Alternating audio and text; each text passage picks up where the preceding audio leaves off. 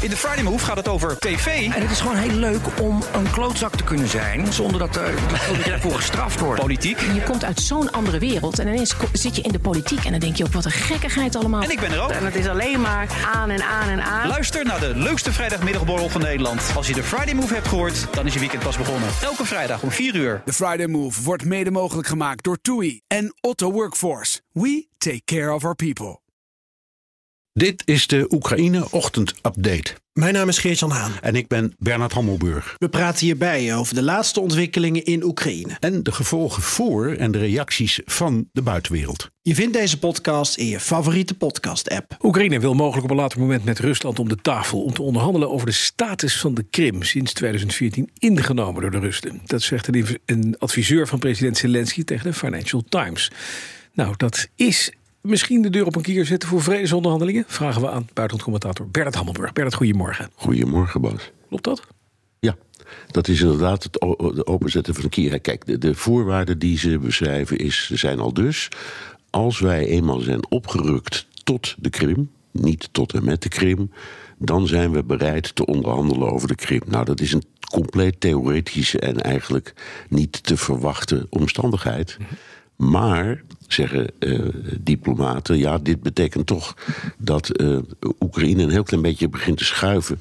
En westerse diplomaten vinden dat belangrijk, omdat je weet, eh, Zelensky heeft zich tot nu toe op het standpunt gesteld, of, gesteld er valt nergens over te onderhandelen. Totdat het, tot het moment waarop ik alle bezet gebied weer terug heb. Dan kunnen we onderhandelen. En nu schuift hij een beetje op. En westerse diplomaten die daarnaar zijn gevraagd. In de loop van het afgelopen jaar. van ja, is dit nou wel realistisch? En moet eh, Oekraïne niet een, concessie doen om ergens toe te komen? Dan was het antwoord stevast: daar gaan wij niet over. Daar gaat Oekraïne over. En het feit dat Oekraïne nu zelf zegt: nou ja, er zit misschien ooit wel wat ruimte. ja, dat is wel een doorbraakje. Dat op zich dus wel mooi. Even naar de, de strijd zelf. Wat gebeurt er op dit moment? En met name in Bagmoed. Heb je daar enig zicht op? Nou ja, Zelensky zelf heeft ehm, tijdens een bezoek aan Polen daar wat over gezegd. En het komt erop neer dat ehm, hij, hij zegt dat als zijn troepen helemaal zijn omsingeld, dat de generaals dan waarschijnlijk het besluit moeten nemen om op te geven. Ook dat is een doorbraak, omdat ja, deze strijd die loopt nu, wat, ik, ik geloof acht maanden of zo. Ja. Ehm, er staat niets meer overeind, er zijn bijna geen mensen weer. Het is een gevecht om een ruïne. Het is een symbool geworden. Ehm, en eh, nou, je weet, er is ook discussie met de Amerikanen, omdat Joe Biden steeds tegen Zelensky zei: hou daar nou toch mee op. Het is waarschijnlijk niet te winnen. Het kost ontzettend veel mensenlevens en materieel. Ga je concentreren op een voorjaarsoffensief en haal je mensen daar weg.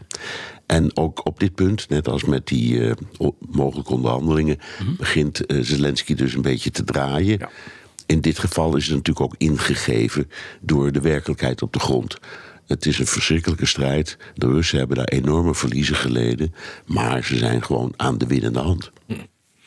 Gisteren was Zelensky dan naar eh, Warschau, was op bezoek bij Duda, de Poolse premier. Wat, wat kwam daaruit? Pre- president, ik zeg premier, president.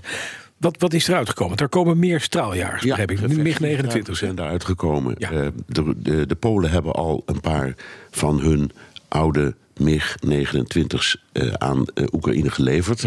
Eh, je weet, Oekraïne vroeg oorspronkelijk om F-16's. Nou, dat wilden de Amerikanen niet. En het is bovendien onpraktisch vanwege opleidingen die je dan moet doen. Ehm, de Polen hebben F-16's. En die hebben of krijgen ook F-35's. Dus die zijn echt hun, hun vloot aan het moderniseren. Ehm, en die hebben gezegd, nou weet je wat, die, F, die, die MiG-29's, daar kunnen Oekraïners al op vliegen. Dus als we die nou eens doorschuiven, dan kunnen ze daarmee aan de slag. Maar de voorwaarde was een beetje dat een ander dat ook zou doen. Dat heeft Slowakije toegezegd, dus die levert ook. En zo komt er toch langzaam een, een, eh, een beweging op gang van het leveren van gevechtsvliegtuigen. Dat, laten we zeggen, drie, vier maanden geleden totaal ondenkbaar was. Dus ook daar zit enige beweging in. Ehm, je, moet ook niet vergeten dat het is niet zo dat Oekraïne helemaal geen gevechtsvliegtuigen had. Ze hadden eh, destijds, toen die oorlog begon, een vloot van, ik meen, iets van 120 eh, MiG-29 en ook nog een paar andere typen oude Russische Sovjet-toestellen.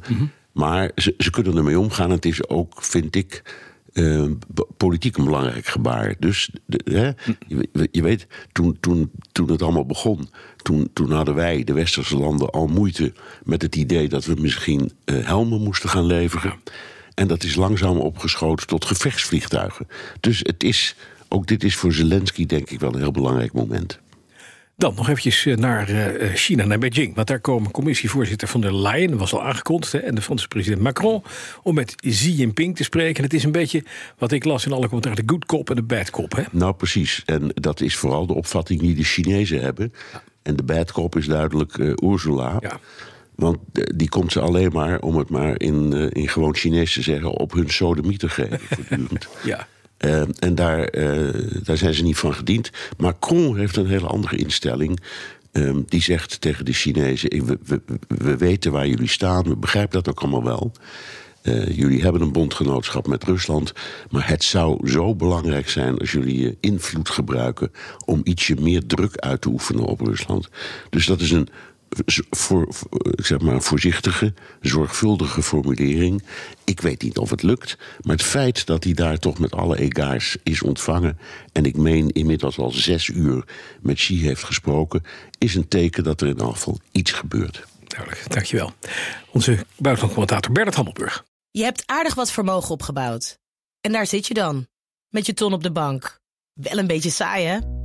Wil jij, als belegger, onderdeel zijn van het verleden of van de toekomst? Bridgefund is een slimme fintech die een brug slaat tussen de financiële behoeften van ondernemers en van beleggers. Dus wie belegt bij Bridgefund krijgt niet alleen een mooie vaste rente, maar brengt ook ondernemers in beweging. Echt waar, met die ton kan je zoveel betere dingen doen. Bridgefund. Make money smile.